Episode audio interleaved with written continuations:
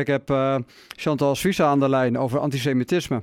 Zij gaat uh, 25 april in gesprek met belangstellenden over dit onderwerp. En uh, die avond heeft als thema antisemitisme, oud kwaad in een nieuw jasje. Ja. Chantal, goedemiddag.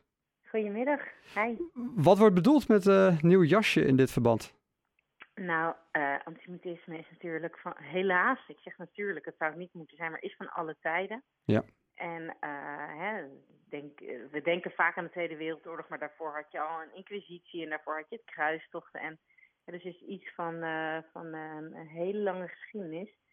Uh, dus het recycelt zichzelf en het komt elke keer in een andere manifestatie boven. En de manier waarop het zich ja, heel veel toont de laatste tijd is toch wel complottheorieën. Dus het idee dat Joden een soort um, macht hebben, uh, achter allerlei uh, dingen zitten om ons te beïnvloeden. Dus denk aan COVID, denk aan banken. En, ja, het is eigenlijk maar een hele kleine minderheid. Veel mensen weten niet eens hoe weinig Joden er zijn in Nederland of in de wereld. Maar... Hoe, hoeveel zijn dat er voor mensen die dat uh, niet weten? Nou, voor de beelddenkers onder ons, stel je het Ajax-stadion voor en dat je dat dan niet vol krijgt met alle Joden van Nederland. Want Nederland kent ongeveer 40.000 Joden.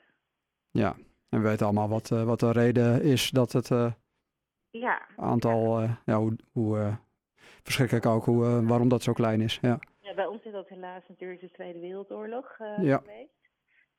maar ja, je ziet dus dat ja, antisemitisme heeft heel veel vormen gehad. Dus je had echt een raciale uitsluiting, zondeboekdenken hè, van de oorlog. Maar tegenwoordig zie je vaak ja, dat het toch, dat heb je nog steeds overigens, dat klassieke antisemitisme. Maar ook het idee van ja, complotdenkers die uh, dat op, dan op Joden loslaten. En wie, wie zijn deze complotdenkers eigenlijk? Kan je die groep uh, definiëren? Nee, want um, je zou dus denken, ja, is het rechts, is het links? Kijk, er zijn verschillende soorten antisemitisme.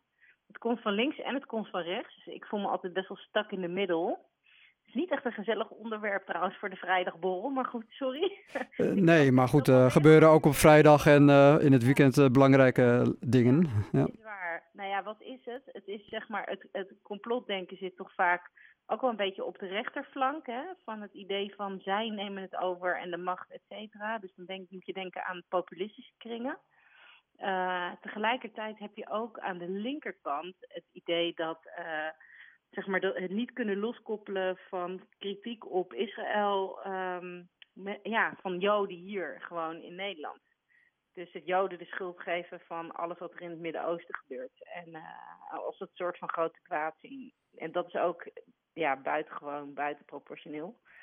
Ja. Dus het komt in heel veel verschillende vormen. En uh, ja, wij proberen gewoon ons leven hier te leiden en goede dingen te doen. Maar het is soms wel lastig. Ja, dit zijn hele zware thema's natuurlijk. Hoe, uh, hoe wordt dat op zo'n avond uh, behandeld? Nou ja, ook al gewoon met praktische voorbeelden. Hè. Je moet je voorstellen dat ik uh, schatten van kinderen heb, maar die moeten dus om, die zitten op een Joodse school. Die worden dan nu nog, hebben we het over 2022, bewaakt door de Koninklijke Marechaussee. Oh, dat is wel verschrikkelijk. Dat was niet bij mij bekend. De...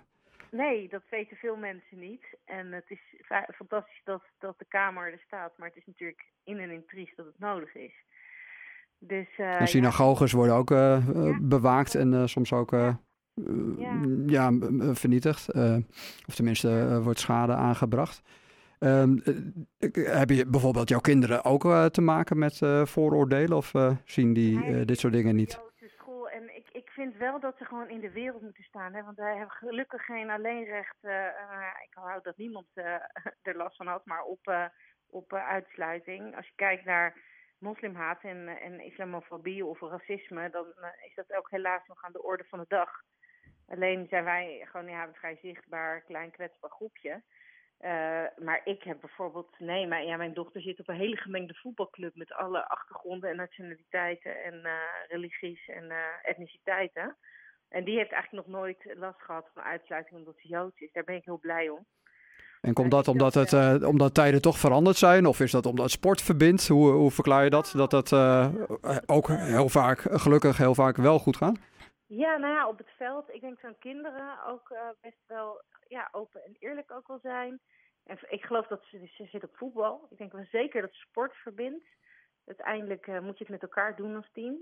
Dus dat helpt zeker wel. Ik zal niet ik weet niet of het het hele leven bespaard zal blijven. Maar goed, het is gewoon. Uh, het hangt ook een beetje vanaf waar je begeeft. Het hangt ook van de context af. Dus als de spanningen tussen Israël en de Palestijnen toenemen, dan neemt helaas, zeg maar, evenredig daaraan ook het antisemitisme, zowel on- als offline weer toe.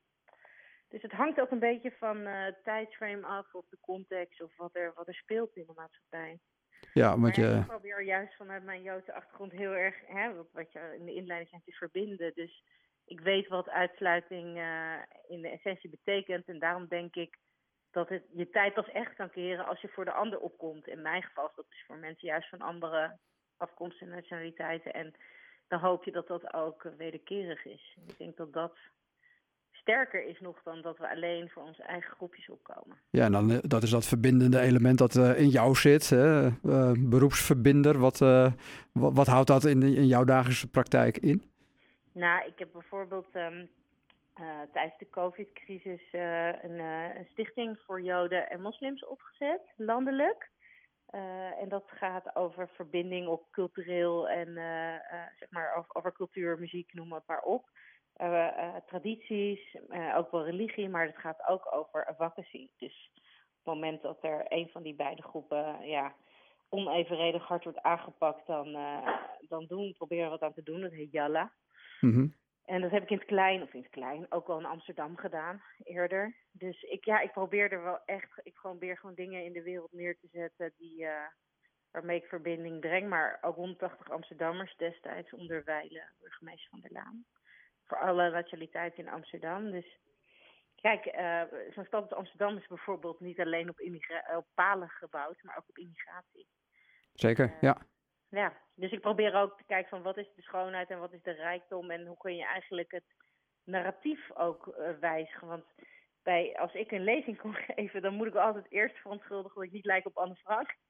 Ja, ja. Als ik zo blond ben, dan zijn ze, denken ze ik een Joodse vrouw. En dan hebben ze al een heel stereotype vaak in gedachten. En dan komt er een super blond, super Ja. Hollands uitziend meisje dat Chantal heet.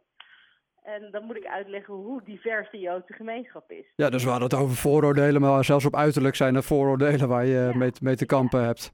En dat eh, zijn gelukkig de minder zware vooroordelen. Nou ja, de leuke definitie van antisemitisme, ik hoop dat ik niemand echt woest maak. Hoewel het natuurlijk echt, echt een serieus probleem is. Want Joden zijn wel de kanarie in de kolenmijn. Ja. Als je ziet dat antisemitisme eh, groeit, dan kun je er bijna van uitgaan dat andere uitsluitingsvormen ook groeien. Maar wat ik altijd wel eens voor de grap zeg, hè, in mijn eigen eh, omgeving, is eh, wat is een antisemiet? Iemand die een grotere hekel heeft aan Joden dan strikt noodzakelijk. Ja, ja, ja precies, precies. Flauw, maar ik geloof wel heel erg in zelfspot. Dus ik denk, je, ah, mensen, als iedereen zichzelf wat met een korreltje zout zou kunnen nemen en wat eh, meer compassie zou kunnen tonen tegenover anderen, ja, dan hoefde ik die hele lezing misschien niet te geven. Nee, eigenlijk zijn, eh, kan, je, kan je humor ook eh, botvieren op allerlei zware thema's. En eh, zeker met zelfspot eh, kom je dan een eh, heel eind. Ehm, ja, ik heb ook begrepen dat, eh, dat jij je inspiratie onder andere haalt uit eh, jouw familiegeschiedenis. Eh, Ja. Kun je daar iets over vertellen? Zeker. Nou ja, ik, eh, mijn, eh, ik, had een, ik heb een waanzinnige familie, dus ik moet kort houden. Maar ik heb een oma die vijf concentratiekampen heeft overleefd. Echt waaronder Auschwitz en Bergen-Belsen in Therese. Echt verschrikkelijk. En nou ook nog een dodenmars. En zij was, ondanks dat alles, echt het licht van de familie. Dus zij heeft, ze is toch in de goedheid van de mens blijven geloven. Ondanks dat ze het kwaad nou, jarenlang echt in de ogen heeft gekeken. En eh, zij zei altijd, elke bevolkingsgroep heeft rotte appels. Maar je mag nooit een heel volk of een hele groep of een hele natie eh, onder één kam, over één kam scheren.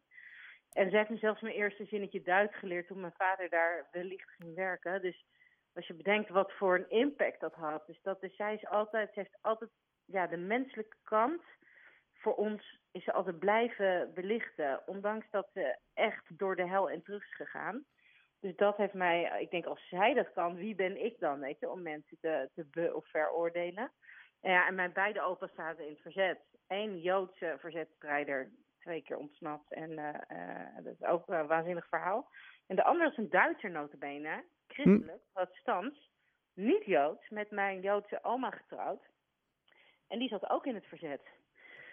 Ja, dus uh, dan, dan word je denk ik wat ik ben of zo. Tenminste, die ja, dan ben je er echt voor in de wieg uh, gelegd. Uh, ja, dat verhaal ook over je oma, dat is, dat is bijzonder. je ziet ook wel veel mensen die zwartgallig natuurlijk zijn, die ja. de oorlog hebben meegemaakt. Zeker als ze dit soort zaken hebben meegemaakt. Ja. En toch vertrouwen in de mensheid te houden, dat is inspirerend. als, als we Chantal zo even teruggaan naar, uh, naar de avond. Hè. Je gaat in gesprek met uh, belangstellenden. Wat, ja, hoe verwacht je dat uh, zo, zo'n avond zou gaan en wie, wie daarop afkomen? Ik weet het niet. Het is vanuit de Protestantse Kerk georganiseerd. vanuit de, de Bezinnings- en Verdiepingscommissie. Wat ik heel leuk vind, degene die mij heeft gevraagd, is eigenlijk iemand die ik uit onderwijs ken, omdat ik ooit een training gaf bij, de Anne Frank, bij het Anne Frankhuis. Dus um, ja, ik weet het niet. Kijk, ik, uh, iedereen is welkom, denk ik, hoop ik. En ik ga altijd, ja, ik, ik doe een korte presentatie altijd, waarbij ik wat dingen toon en wat dingen presenteer en wat inzichten en vragen en zorgen uh, deel. En dan ga ik meestal gewoon in gesprek, uh, onbevangen, open met iedereen die wil. En wat is jouw ervaring? Komen daar ook mensen op af die nou ja, die, eh, die hun, uh, ja, die, die, nou ja, ik zou, zou bijna willen zeggen, die uh, tegen, uh, nou ja, die wel eens moeite mee, eh, mee hebben met de Joodse cultuur of Joodse mensen. Of komen hier vooral mensen op af die, die juist op zoek zijn naar, naar verbinding en absoluut alle vormen van antisemitisme volledig afkeuren? Nou, meestal laatste, wel gewoon nieuwsgierige mensen op af die, ja, die zich afvragen hoe dat dan zit en hoe dat dan werkt en wat ik er dan van vind. En kijk, de echte tegengeluiden die heb ik meer in uh, educatieve projecten, omdat dat, uh, zeg maar, nou ja, ik wil niet zeggen niet op vrijwillige basis, maar dan zijn er gewoon jongeren die van hun school uh, een programma moeten doen. En dan krijg je dus hele felle vragen, hè? echt heel fel en ook tegenstand. En dat vind ik altijd interessant, want je, je brengt geen licht in de blazing sunlight. Je brengt meer licht waar de duisternis is. Dus ik zou het eigenlijk veel spannender vinden als er ook mensen waren die misschien wel hele moeilijke vragen of twijfels of bepaalde oordelen hebben. Ja, en dan wellicht ook dat er dan een dialoog ontstaat tussen, tussen uh, ja, twee groepen en uh, dat je er samen uit uh, kan komen. Ja, maar ik vind het ook gewoon prima om, kijk, er zijn ook heel veel mensen die, dus, dus die kennis over antisemitisme in het algemeen, die is ook best wel uh, diffuus. En soms is er, ook, mist er ook wel wat voorkennis of contextkennis. Dus, en het gaat mij nog minst om kennis. Het klinkt misschien gek, maar kennis is heel belangrijk. Dat is mm zo. Maar het gaat mij toch om een, ja, een ontmoeting van hart tot hart. Uh, nog meer dan van hoofd tot hoofd. Dus uh, ik probeer, ik kijk altijd of mensen mij raken, of ik mensen kan raken en uh, of we samen een echt gesprek kunnen hebben. Dat vind ik eigenlijk het allerbelangrijkste. Ja, nou dat zijn. Dan ben ik blij. Dat zijn mooie laatste woorden, Chantal. Ik hoop dat je dat uh, doel gaat bereiken op uh, 5, 25 april. En ik wil je bedanken voor, ja, voor, je, voor, je toelichting, voor je toelichting. En ja, succes 25 april, Chantal. Nou, hartelijk dank. En ik hoop dat er veel mensen komen. En dank voor dit gesprek. Heel fijn. Geen dank, ik hoop het ook. Chantal Suissa, uh, die gaat in Heemstede een, uh, ja, een avond begeleiden over antisemitisme. Oud kwaad in een nieuw jasje.